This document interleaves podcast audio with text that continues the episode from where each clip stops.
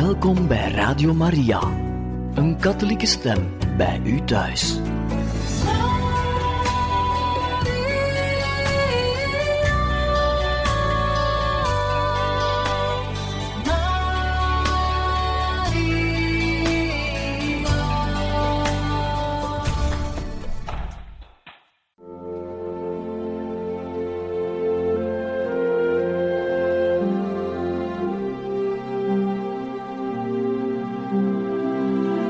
Beste luisteraars van Radio Maria, welkom bij het programma Catechismus. Een overweging bij de geloofschat van de kerk.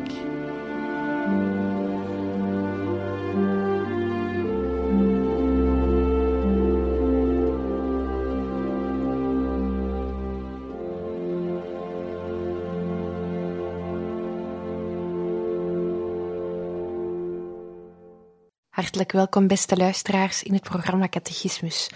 In de uitzending van vandaag kan u luisteren naar een catechese gegeven door zuster Greta van de gemeenschap Moeder van Vrede over de Goede Week die we intussen zijn binnengetreden.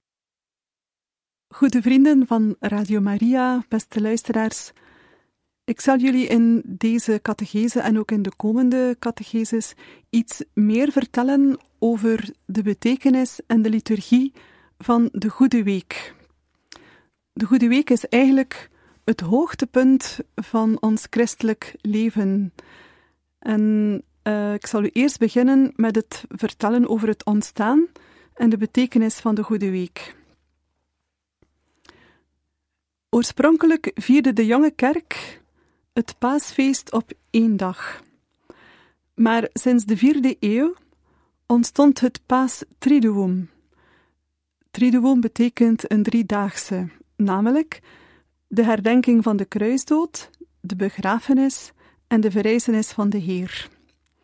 En deze driedaagse begint op de viering van het laatste avondmaal op Witte Donderdag en het eindigt met de Vespers op Paaszondag. Nu, de pintere luisteraars onder jullie die zullen opmerken dat het gaat over vier dagen in plaats van drie. Klopt dat dan eigenlijk wel?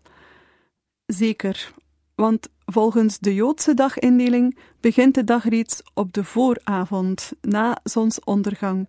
Dus eigenlijk, de herdenking van het laatste avondmaal behoort eigenlijk tot de eerste dag van het Paastriduum. En later kwam bij dit Triduum nog de intocht van Jezus in Jeruzalem, wat gevierd werd op de zondag voor Pasen. Dus zo ontstond de Goede Week. Maar nu komt de vraag: waarom spreken we eigenlijk van de Goede Week? Je kunt die week toch zo niet noemen, want voor Jezus was het toch niet bepaald zo'n goede week. Bovendien, de gebeurtenissen die wij in die week herdenken, geven ons eerder het gevoel van onmacht, van verraad, van wanhoop, uh, verdriet. En toch, en toch noemen wij die week de Goede Week. Niet alleen omdat aan de christenen wordt gevraagd om in die week goed te zijn voor elkaar, dat ook, want het was blijkbaar lange tijd de gewoonte om in die dagen geen rechtspraak te houden, geen schulden terug te vorderen en geen zware arbeid te verrichten of op te leggen aan anderen. Maar de diepere betekenis van die Goede Week ligt eigenlijk in het optreden van Jezus in die dagen. Ondanks de wanhopige en gruwelijke situatie waarin hij zich bevond, ondanks de eenzaamheid die hij voelde, vluchtte hij niet. Hij bleef trouw aan de Vader en hij ging daarbij tot het uiterste. Geen groter liefde kan iemand hebben dan deze, dat hij zijn leven geeft, zegt de apostel Johannes. En dat heeft Jezus gedaan, en dat kun je niet anders dan goed noemen. Het woord goed vindt zijn oorsprong ook in het heil, het goed dat aan alle mensen wordt toegezegd in het paasmysterie van de Heer. De hoop wordt ons toegezegd dat het lijden en de dood niet het einde is, maar uitmondt in een mooi slotakkoord van Pasen. Laten we nu even de Goede Week overlopen. En ik begin daarbij met Palmzondag, de eerste dag van de Goede Week. Dus de zesde zondag is dat dan van de veertig dagen tijd, wordt Palmzondag genoemd. Officieel na Vaticanum II noemt men die zondag Palmzondag Passie van de Heer. En in deze titel wordt onmiddellijk het dubbele aspect van deze dag al aangeduid. Ten eerste, dus enerzijds wordt de blijde intocht van Jezus in Jeruzalem in herinnering gebracht. En dit gaat gepaard met veel vreugde. Jezus wordt als de koning van Jeruzalem verwelkomd.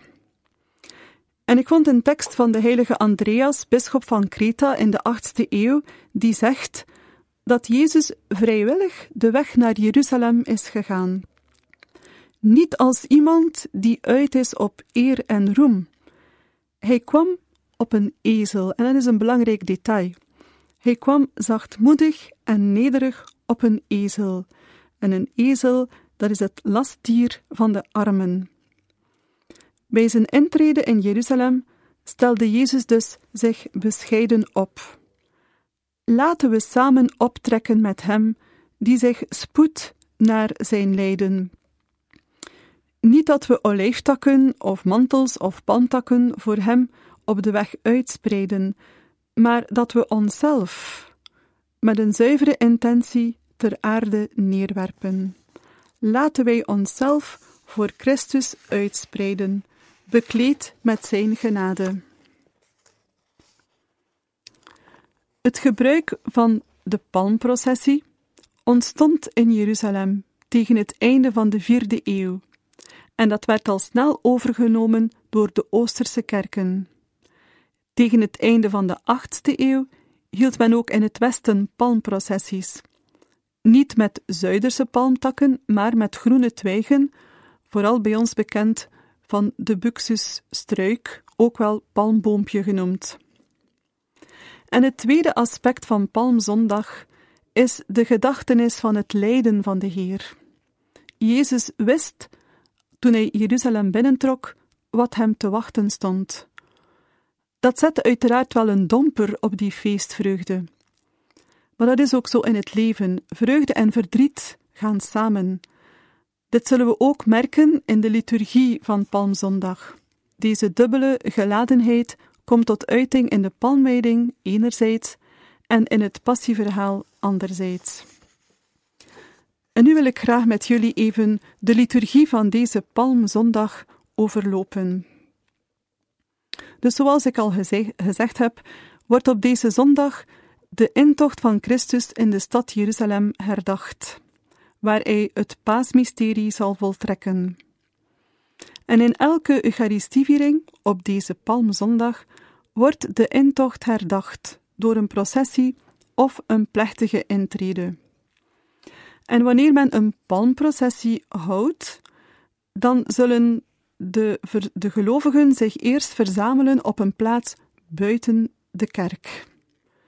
De kerk symboliseert dan eigenlijk de stad Jeruzalem, waar Jezus zal binnenkomen. En aan alle gelovigen worden palmtakken uitgedeeld. En de priester die voor deze viering een rode kazuifel draagt, die nodigt iedereen uit om deze palmliturgie actief mee te vieren. Want de palmprocessie, als je daarin meestapt, dan is dat eigenlijk een uitdrukking van je bereidheid om de Heer ook te volgen op die weg. Met daarbij ook het verlangen om niet alleen te delen in dat lijden, maar ook eenmaal deel te hebben aan de verrijzenis en aan het eeuwige leven. En dan zal de priester al die palmtakken wijden door een gebed en door het ook besprenkelen met wijwater.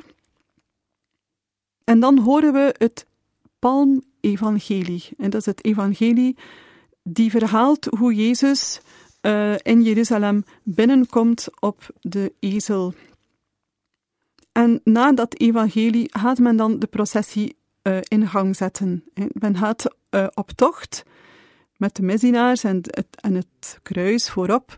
En dan komt de priester en dan tenslotte ook het volk met zwaaiende takken. En onderweg wordt er ook gezongen. Er wordt bejubeld. Eh, net zoals het volk in Jeruzalem zal men Jezus jubelend begroeten um, met een lied, bijvoorbeeld Lauda Jeruzalem, of een refrein waarin Hosanna voorkomt, of de koning van de vrede komt in de hoofdstad aan. En zo zijn er tal van liederen die men kan zingen tijdens deze processie.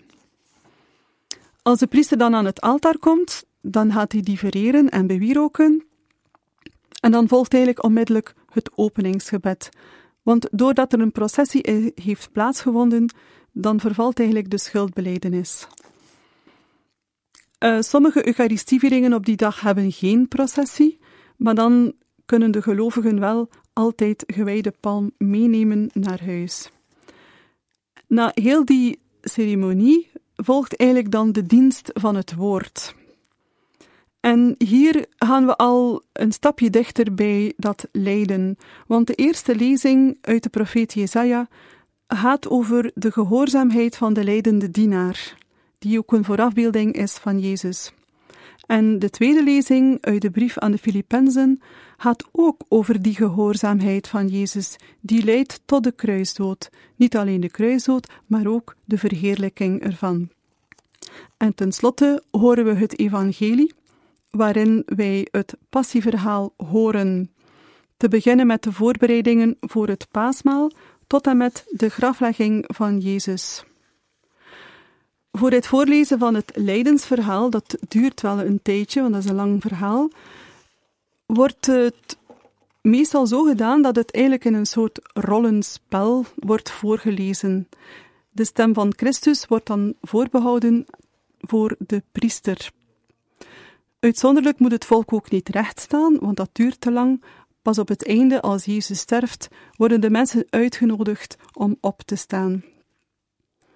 Het is werkelijk indrukwekkend om deze twee aspecten verenigd te zien, de vreugde en het verdriet in deze Eucharistieviering. Op Palmzondag kunnen we eigenlijk zeggen, wordt in de liturgie de boog al gespannen vanaf de intocht in Jeruzalem tot aan de graflegging.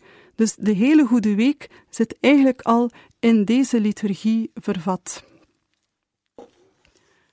De volgende dagen van die Goede Week, de maandag, de dinsdag en de woensdag, horen we in de Eucharistie het lied van de leidende dienaar, vooral in de eerste lezing uit de profeet Jesaja.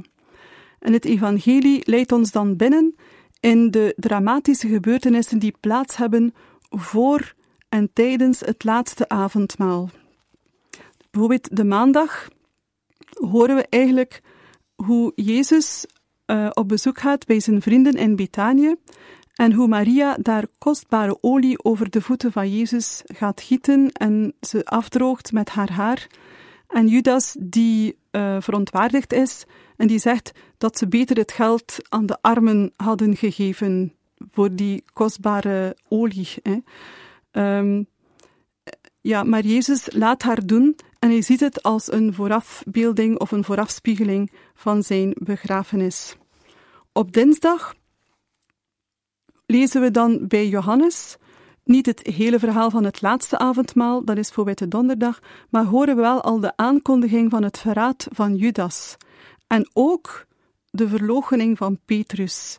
Hij zegt: Heer, ik ga mijn leven voor u geven, maar Jezus zegt: Jij gaat je leven voor mij geven. Ik verzeker je, nog voor de haan kraait, zul je mij driemaal verloochenen. Dus heel dat drama komt nogal heel sterk naar voren hier op deze, in deze lezing. De woensdag in de Goede Week horen we in het Evangelie volgens Matthäus verder over het verraad van Judas.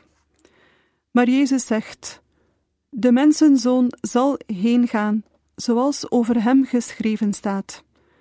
En voor de leerlingen is dat op dat moment nog wartaal. Zij begrijpen het nu nog niet. De een zal hem verraden, een ander zal hem verloochenen, de anderen vluchten weg. Maar Jezus, die oordeelt niemand. Hij gaat zijn weg verder en zijn eenzaamheid is groot.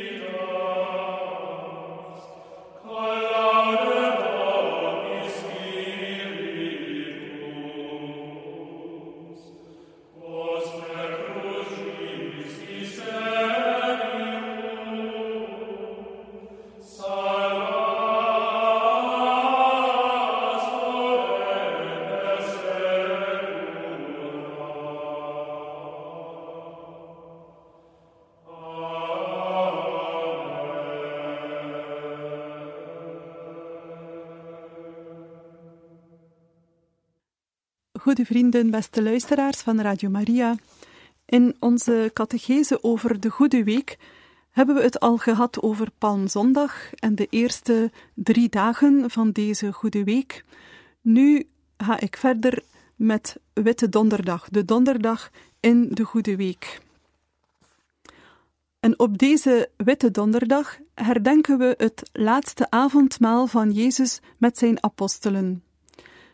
Want zij waren naar Jeruzalem gekomen om Pesach te vieren, dus het Joodse paasfeest, waarin zij de uittocht uit Egypte, uit het slavenhuis, herdenken.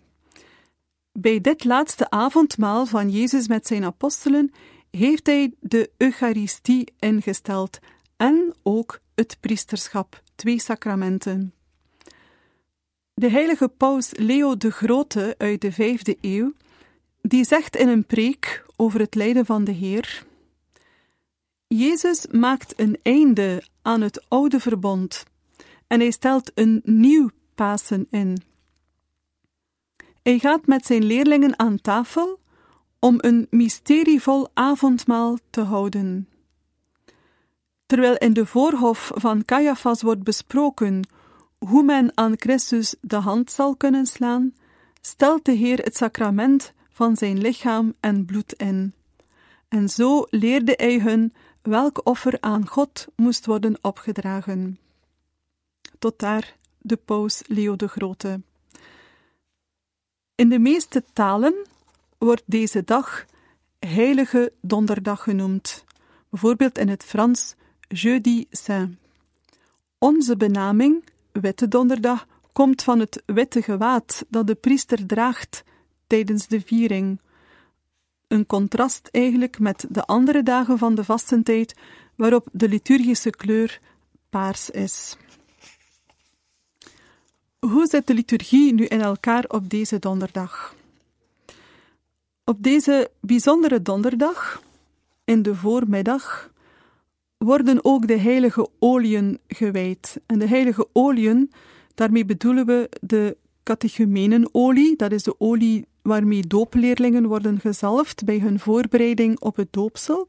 Dus het catechumenolie, het chrismaolie en ook de olie voor de ziekenzalving.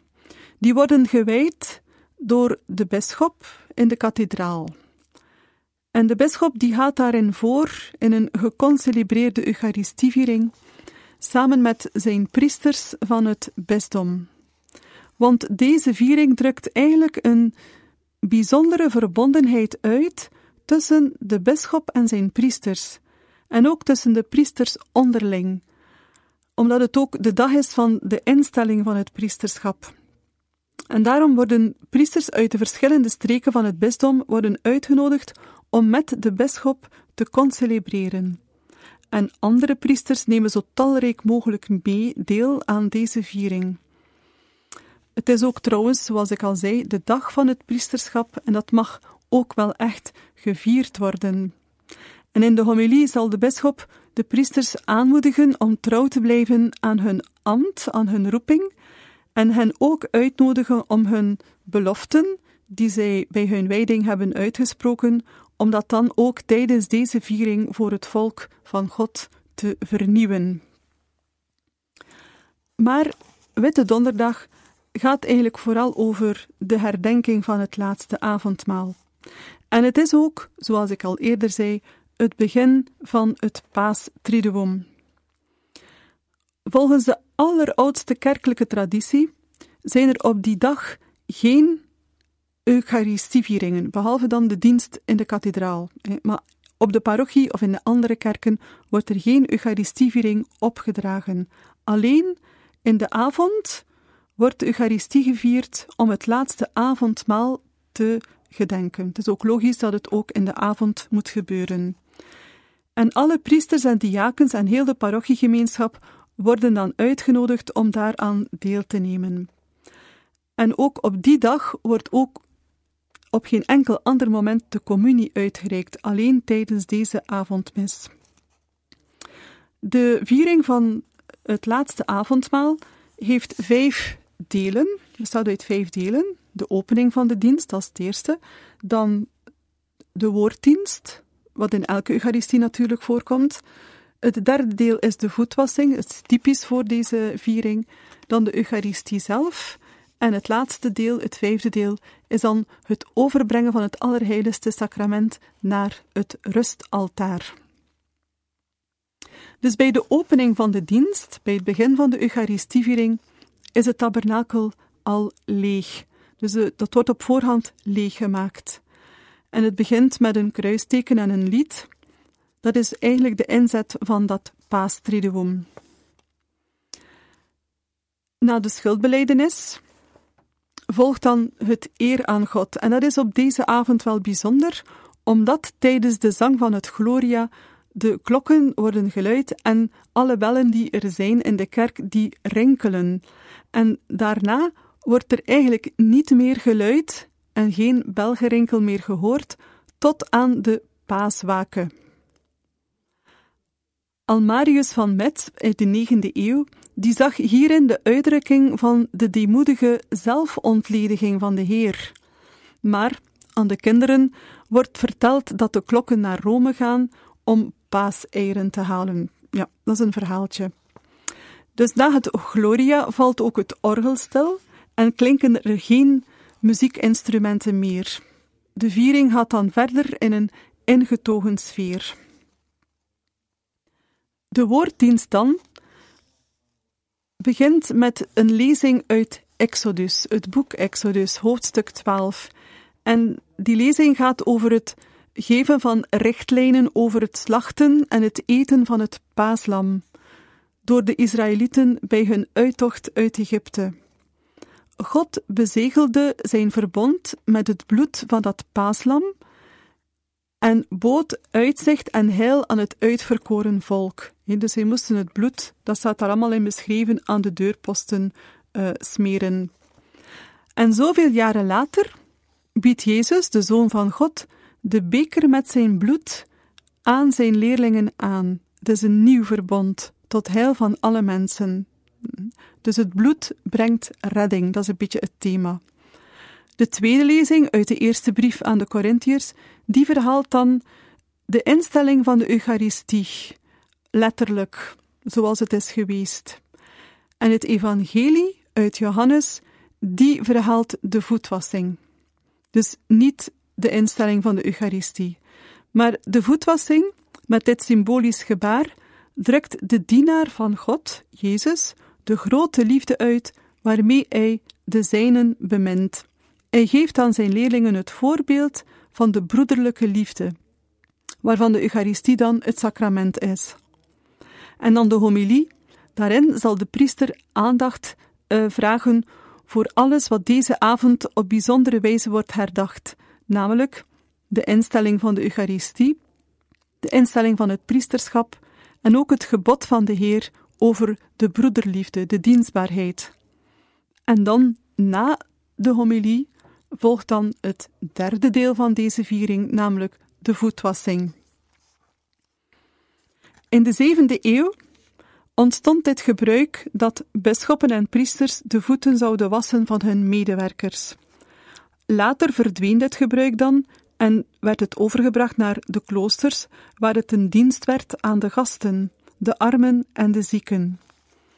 Maar sinds de 16e eeuw wordt dit gebruik weer voorgeschreven, enkel voor bisschop en abdijkerken, maar het wordt ook uitgevoerd in andere kerken, als dit pastoraal verantwoord is.